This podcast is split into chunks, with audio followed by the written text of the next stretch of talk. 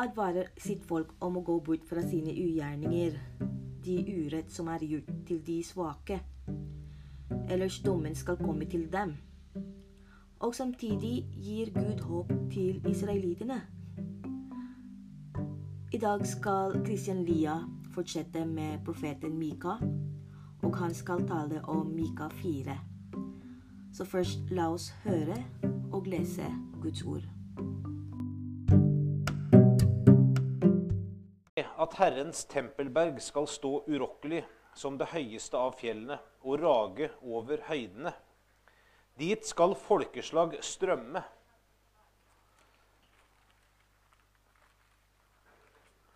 Mange folk skal dra av sted og si, Kom, la oss gå opp til Herrens fjell, til Jakobs hus, så han kan lære oss sine veier, og vi kan ferdes på hans stier. For lov skal gå ut fra Sion, Herrens ord fra Jerusalem. Han skal dømme mellom mange folk, skifte rett for mektige folkeslag. Også for dem som er langt borte. De skal smi sverdene om til plogskjær og spydene til vingårdskniver. Folk skal ikke løfte sverd mot folk, ikke lenger læres opp til krig. Men enhver skal sitte under sin vinstokk og sitt fikentre. Ingen skal skremme dem. For Herren over hærskarene har talt. Hvert folkeslag vandrer i sin egen Guds navn. Men vi skal vandre i Herren vår Guds navn, evig og alltid. På den dagen, sier Herren, vil jeg samle de haltende og sanke sammen de fordrevne, og dem jeg har fart ille med. De haltende gjør jeg til en rest, de bortdrevne til et mektig folk. Herren skal være konge over dem på Sions berg, fra nå av, fra nå og til evig tid. Og du gjetertårn, du datter Sions vakthaug, til deg skal det komme, herreveldet du en gang hadde, Jerusalems datters kongsmakt. Men nå, hvorfor skriker du så høyt? Er det ingen konge hos deg? Er rådgiveren din forsvunnet? Siden rier tar deg, som en kvinne som skal føde. Skrik ut i rier, som en fødende kvinne, datter Sion. For du må forlate byen og bo ute på marken. Du skal komme til Babel, men der blir du berget. Der vil Herren løse deg ut av dine fienders hånd. Men nå har mange folkeslag samlet seg mot deg. De sier, La Sion vanhelliges for våre øyne. Men de kjenner ikke Herrens tanker og forstår ikke hans plan. Og samle dem og samle dem som kornaks til tresking. Stå opp og tresk, du datter Sion, for jeg vil, for jeg, for jeg vil gi deg horn av jern. Jeg vil gi deg klover av bronse, og du skal knuse mange folk. Du skal vigsle byttet deres til Herren, rikdommen deres til jordens herrer. Slik lyder Herrens ord.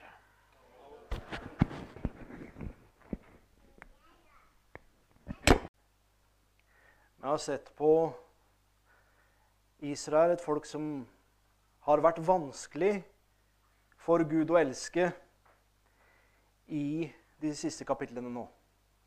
Og hvordan kan Gud elske syndere når han hater synden så mye som han gjør? Og hvordan kan Gud elske mennesker som dreper barna sine, stjeler, lyver og gjør alt i sin makt for å oppnå måla sine?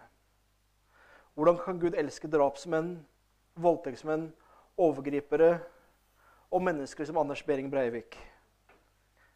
For han gjør det. Men at Gud elsker syndere, betyr ikke at han ikke straffer dem. Og det betyr heller ikke at Gud frelser alle til slutt. Men han har lova sitt folk Israel gjenopprettelse, og en dag skal hele Mikas profeti gå i oppfyllelse. Jeg har kalt preken min i dag for 'Hvordan kan Gud elske en ond nasjon og et ondt folk?' Og det første punktet mitt har jeg kalt 'Gud skal gjenopprette Israel'. Hadde jeg vært i en misjonskirke nå, så hadde alle løfta armene og ropa. så det er bra. Jødene har alltid vært et folk som har opplevd forfølgelse. Helt fra Gud kalte dem og erklærte dem for sitt folk, som var hans valg. For han har et spesielt sted i hjertet for dem. Og det er en del av disse tingene og, og tekster i Bibelen som har vært lettere for oss å forstå hvis vi var jøder. Men det er vi ikke. Jødene har opplevd krig og elendighet pga. syndene sine. De gikk i 40 år gjennom Sinaiørkenen pga. syndene sine. Og nå, som vi har sett på tidligere, kom Gud med en hard dom over Juda og Samaria, eller Israel, da, igjen.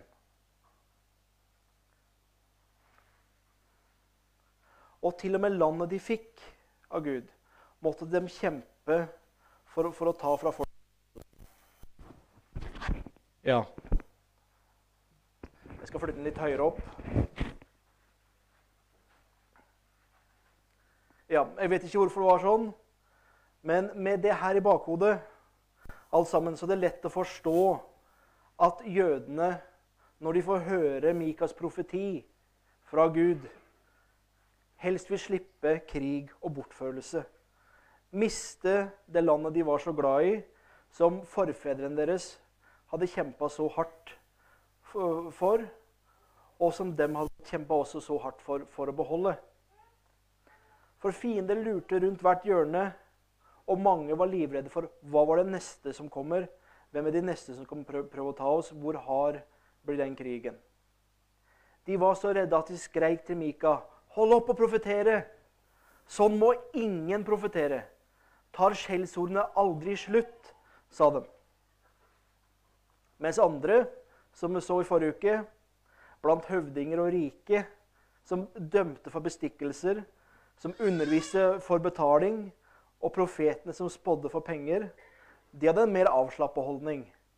Den mer sånn fine, arrogante med mediocre white man-holdningen.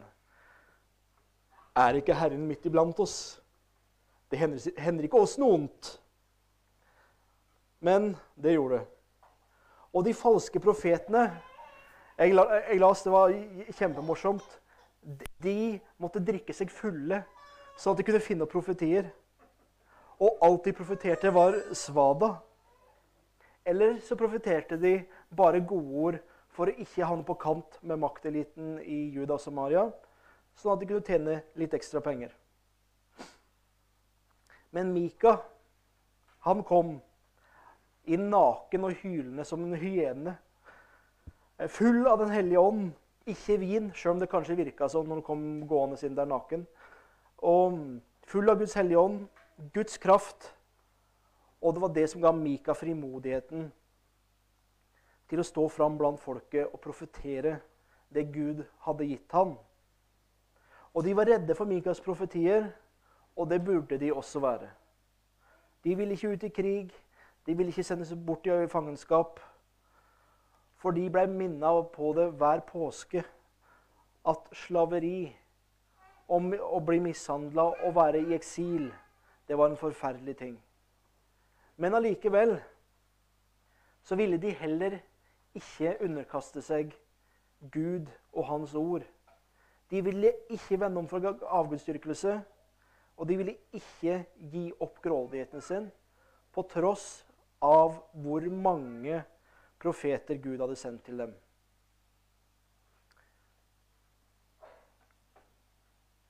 Guds dom var derfor ferdig opplest og vedtatt over Juda og Samaria. Og straffen var allerede på vei. Og der, i Guds straff, i Guds dom, der er det ikke rom for tilståelsesrabatt eller anke. Og vi ser, vi ser hvordan Gud bruker fremmede folkeslag som en forlengelse av sin vrede. Han bruker dem til å straffe Juda og Samaria. Asyrerne kommer først og straffer dem noe voldsomt. Babylonerne kommer og ødelegger de fullstendig. Nå må jeg drikke litt til.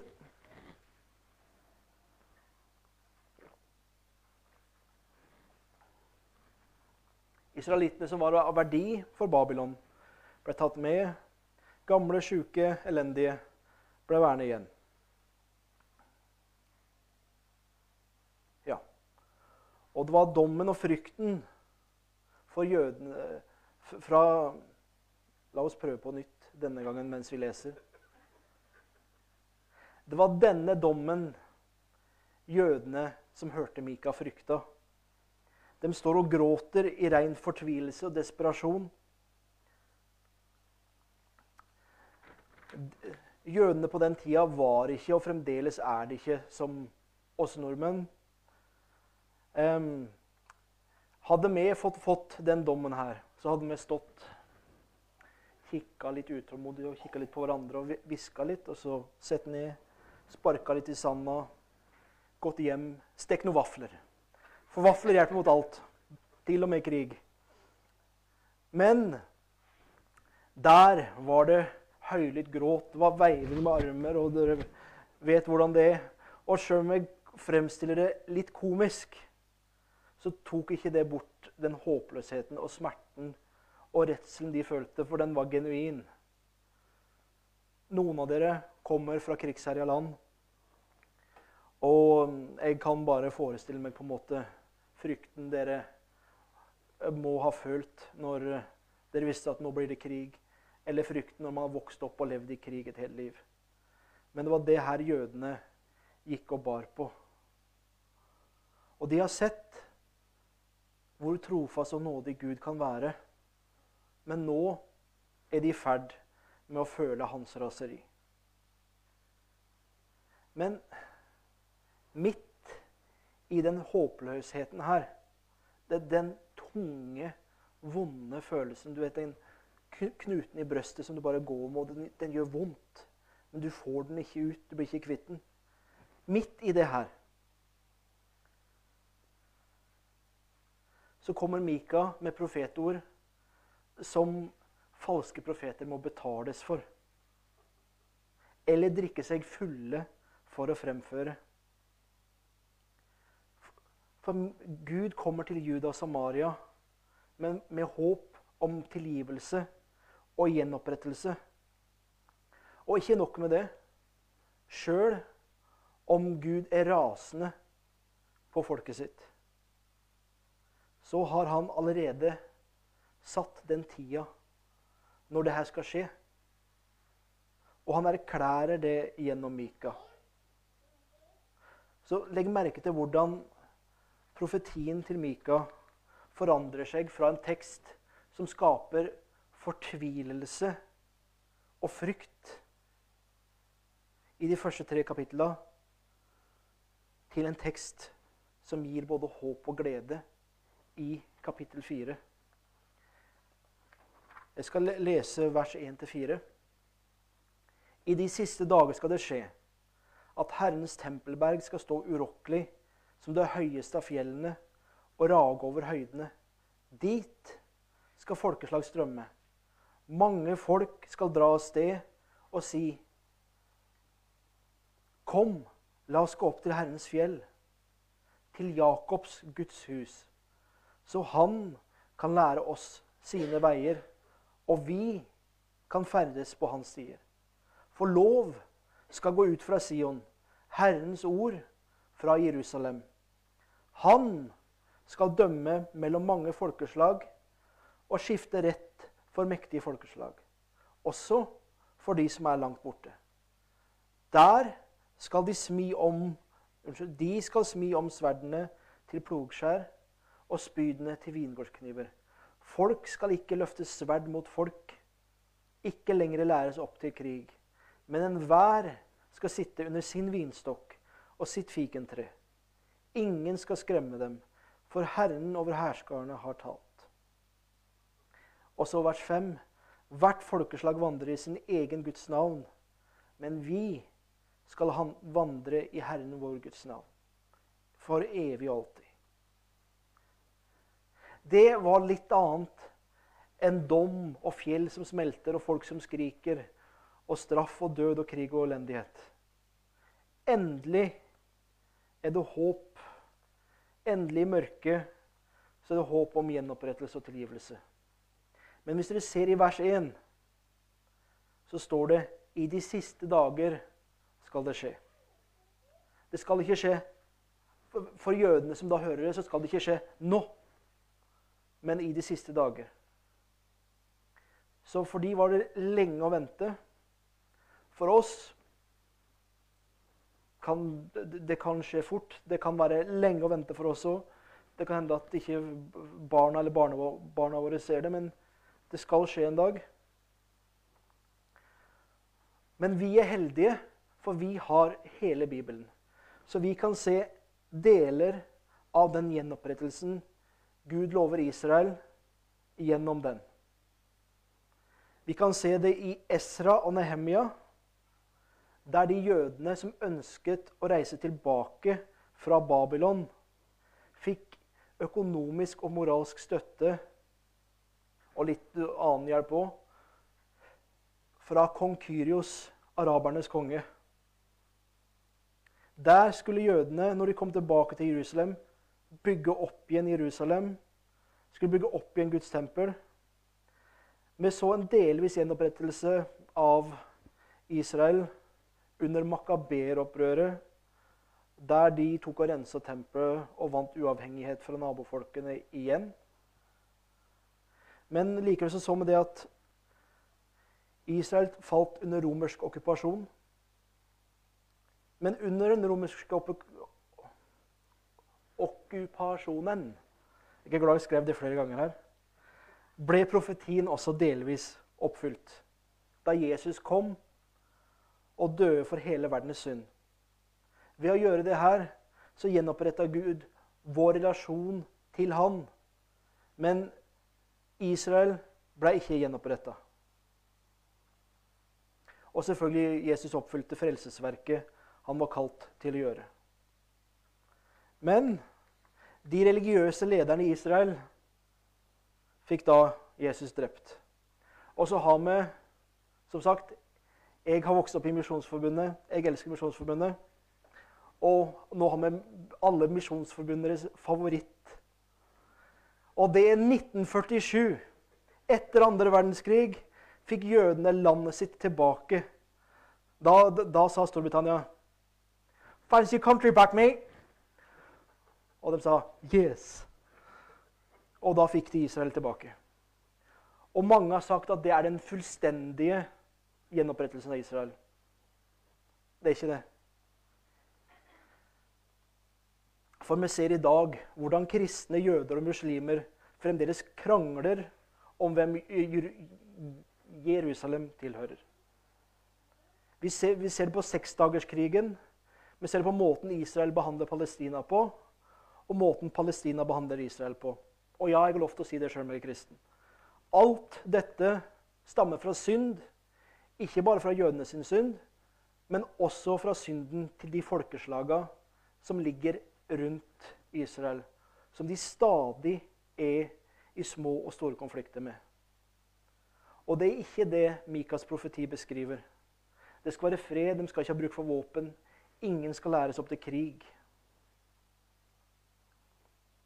Det skal ikke lenger være avgudsdyrkelse eller grådighet.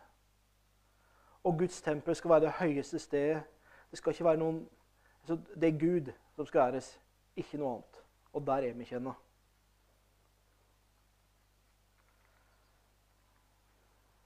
Jerusalem skal ikke lenger være en kilde til konflikt, ondskap, krig og terror. Det skal være kilden til Gud, til Guds visdom. Folk skal dra dit for å lære Gud å kjenne. Og Gud skal være dommer mellom mange folk, som det står, til og med oss. Og det er derfor den dagen at våpna kan eh, gjøres om til landbruksverktøy plogskjær og vingårdskniver. Og nå, nå har vi traktor og Ja. Um, så, så det, det, er ikke nødvendig lenger. Eller da skal det ikke være nødvendig. Og hvorfor skal det være trygt? Hvorfor skal det ikke frykte krig? Fordi vers 4 Men enhver skal sitte under sin, sin vinstokk, sitt fikentre. Ingen skal skremme dem, for Herren over hærskarene har talt. Gud har bestemt det. Gud har vært kjent med jødenes ondskap, deres avgudsdyrkelse og grådighet, deres manglende evne til, eh, til å vende om, og holdningen som lettest beskrives som ikke din vilje, Gud, men min vilje skje. Jeg vet ikke om noen andre har opplevd å tenke det noen gang. Men som sagt, Gud er ikke dum. Han er nådig. Og han elsker folket sitt. Og han har bestemt seg for at det er slik det skal bli. Og han har gitt jødene små glimt av håp og den gjenopprettelsen her som skal komme. Han har vist dem hvordan han beskytter dem, også når de ikke fortjener opp gjennom historien. Men som vi ser i vers 9 og 10, så må de gjennom dommen før de kommer dit. Men nå, hvorfor skriker du så høyt? Er det ingen konge hos deg? Er rådgiverne dine forsvunnet? Siden rier tar deg som hos en kvinne som skal føde. Skrik ut i rier som en fødende kvinne, datter Sion. For nå må du forlate byen og bo ute på marken.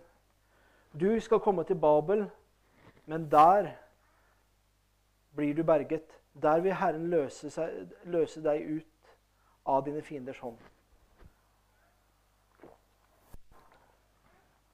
Dommen ser ikke ut til å være noe som bare går over fort, eller noe som ikke er så farlig. Den beskrives som en kvinnes fødselssmerter. Og jeg har fremdeles vondt i hånda etter Johanna fødte, når hun tok og klemte hånda mi hardt. Det var ingen dame som lo av den.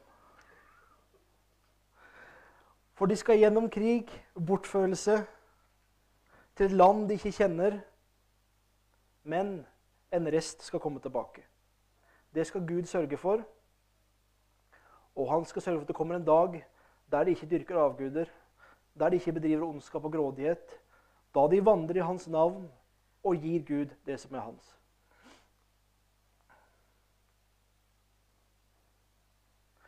Og igjen, han gjør det som han har gjort mange ganger før. Israel synder, dummer seg ut. Ikke alltid har de engang evnen til å vende om og be om tilgivelse. Men han redder de allikevel. Vers 68. På den dagen, sier Herren, vil jeg samle de haltende og sanke sammen de fordrevne og dem jeg har fart ille med.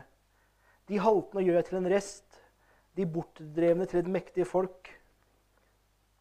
Herren skal være konge over dem på Sions berg, fra nå og til evig tid. Til deg skal det komme herreveldet du en gang hadde, Jerusalems datters kongemakt. Og Det viser, det viser én ting om Gud, og det at hans planer for Israel ikke er basert på deres gjerninger eller deres mangel på gjerninger, men det er basert på Guds planer og hans gjerninger, fordi at Gud er nådig. Gud styres ikke av følelser. Han forandrer sjelden mening. Og når han forandrer mening, så er det, det for det til det som er bedre for oss. Så det hender iblant at han forandrer mening av nåde, ikke av noe annet. Og han skal ikke la dem lide for alltid, for han ser at de, at de lider. Og han holder sitt løfte. Han bevarer Israel som sitt folk. Og den resten som skal komme tilbake, gjorde det fordi at han var nådig. Og det er han som er deres konge, som vi ser i vers 7. Herren skal være konge over dem på Sions berg fra nå til evig tid. Og den de skal frykte, er Gud. For det er Gud som straffer, det, og det er Gud som kontrollerer nasjonene Gud bruker til å straffe dem med. Det er ikke nasjonene som kontrollerer Gud. Men en dag skal Gud bruke Israel til å straffe de nasjonene her og de skal bli skåret ned eller cut down, som vi sier i Heddal. Og de skal gjøre jobben Gud kaller dem til, og han skal gi dem verktøya de trenger. I vers 3 så ser vi 13, så står det Stå opp og tresk, du datter Sion, for jeg vil gi deg horn av jern, og jeg vil gi deg klover av bronse, og du skal knuse mange folk. Du skal vigsle byttet deres til Herren, rikdommen deres til hele jordens herre. Og ikke sant, det her er om Israel, det er om jøder. Og applikasjonen jødene skulle hatt når de hørte det her, var venn om og stol på Gud. Enkelt og greit. Mitt siste punkt har jeg kalt 'Gud skal frelse hele sitt folk'. Og som dere har sett og hørt, har vi vært veldig gode norske kristne i dag. Profetier angående Israel, hvordan Israel er Guds folk, hvordan Gud beskytter Israel. Sjøl når de er forferdelige folk, med avgudsdyrkelse, jødiske konger som ofrer barna sine til avguder ved å brenne de opp. En grådighet der de rike gjør alt for å bli rikere. Profeter som drikker seg fulle som arker for å kunne profetere og gjør det for penger. Dommere som avsier dom mot penger, osv. Men hva er det å si for Conny i dag, Christian? Vi er ikke jøder. Vi er ikke det. Vi bryter matregler daglig, renhetsregler og enda mer alvorlige regler. Vi ofrer ikke, og vi går ikke i tempelet. Og hadde jeg stoppa preken min litt før, så kunne jeg prekt den i en synagoge.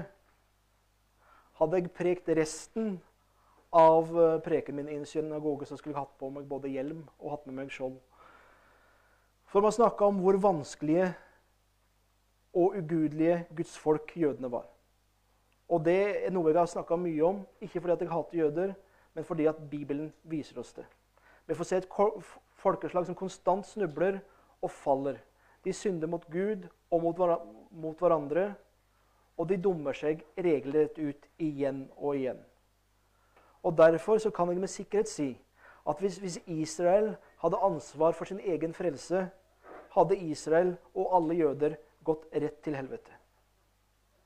Men heldigvis så ser vi at Gud, det er Gud som holder Israels liv og frelse i sine hender.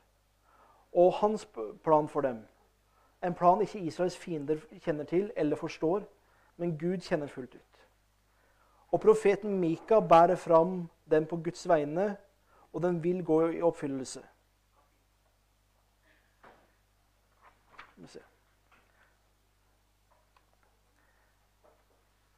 Mange folk drar av sted for å lære å kjenne Gud.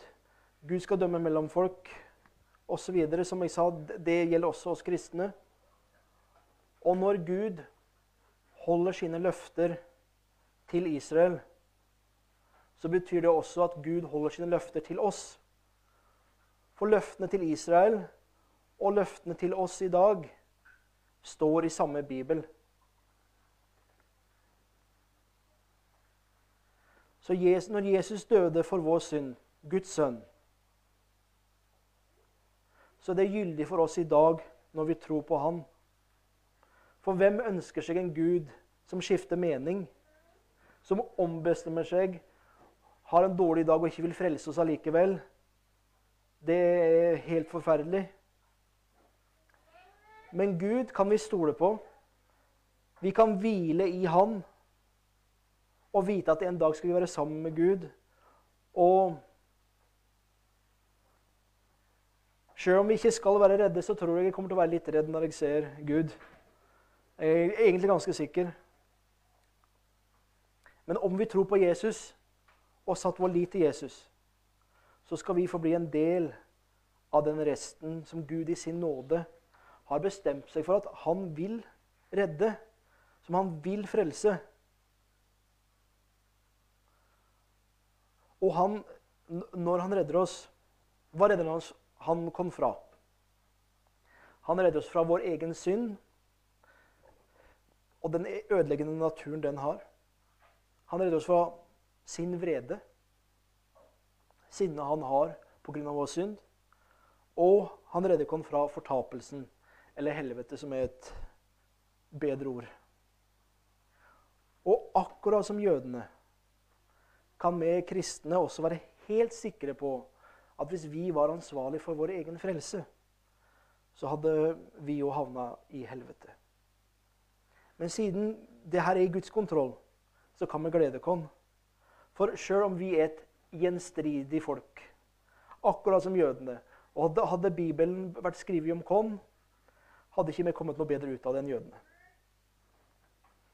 For vi bor i et samfunn som fremelsker abort, kjærlighet til penger, grenseløst begjær, der profeter Vi har også profeter som profeterer for penger, for penger eller fordi at de er så høye på seg sjøl.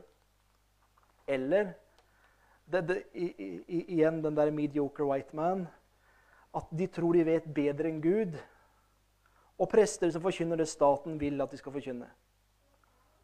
Så sjøl om vi lever i et sånt samfunn, så vi kristne her inne, med, med, også, med synder mot hverandre, med synder mot Gud. Og sjøl om vi vet at én synd er nok til å havne i helvete, så kan vi glede oss. For når Gud holder sine løfter til Israel Vi ser det gjennom Bibelen, vi ser det gjennom historien. Gud holder sine løfter til Israel. Og når vi ser det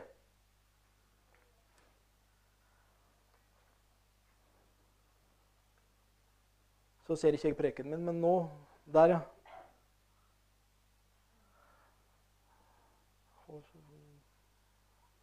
Ja, Så vil han holde sine løfter til oss. Han sendte Jesus til jorda for å leve som et menneske. 100% menneske, 100% Gud. Jesus levde et syndfritt liv her på jorda. Han tok straffen for våre synder. Og en dag når vi står foran Gud på dommens dag, da velger Gud Gud velger å se Jesu liv når han ser på oss. Han velger det. Han er ikke dum, han ser ikke dårlig. Han velger å si Jesus fordi at han er nådig. Så for oss i 2021 så er applikasjonen 2022 Yes. For, for oss som lever i 2022 så er applikasjonen veldig enkel. Hvis du ikke er kristen, ta imot Jesus og vend om fra syndene dine, slik at du skal slippe å gå fortapt. Hvis du er kristen, så skal du fortsatt stole på Gud og løftene vi har i Jesus. For hans død for våre synder er nok. Tro på Jesus.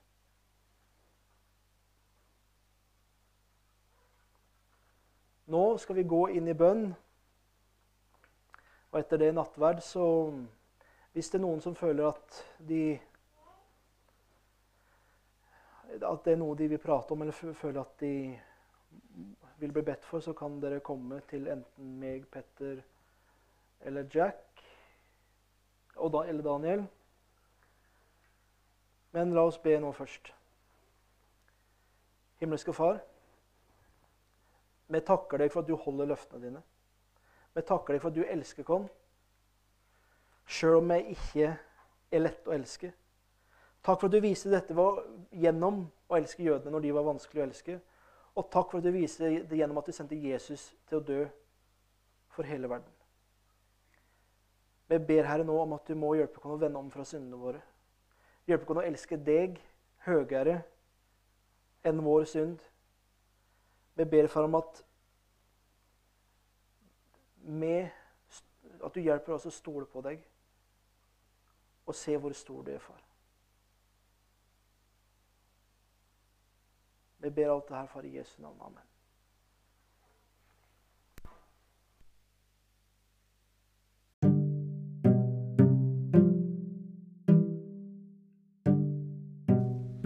I Jesaja kapittel 55, vers 8-9, så sier Gud For mine tanker er ikke deres tanker, og deres veier er ikke mine veier, sier Herren. For som himmelen er høyere enn jorden, slik er mine veier høyere enn deres veier, og mine tanker høyere enn deres tanker. Gud er så stor, vi kommer aldri til å forstå hans planer eller hans veier. Men han kaller oss til å lytte og stole på han, fordi til slutt så er hans måter eller hans veier er den beste. Takk for at uh, dere besøkte oss på Rock International Church Podcast. Og hvis dere har noen spørsmål angående denne episoden, så skriv oss en melding på vår Facebook-side Rock International Church, eller på vår webside www.rockchurch.no. Velkommen igjen til neste episode av Mika. Ha en fin dag.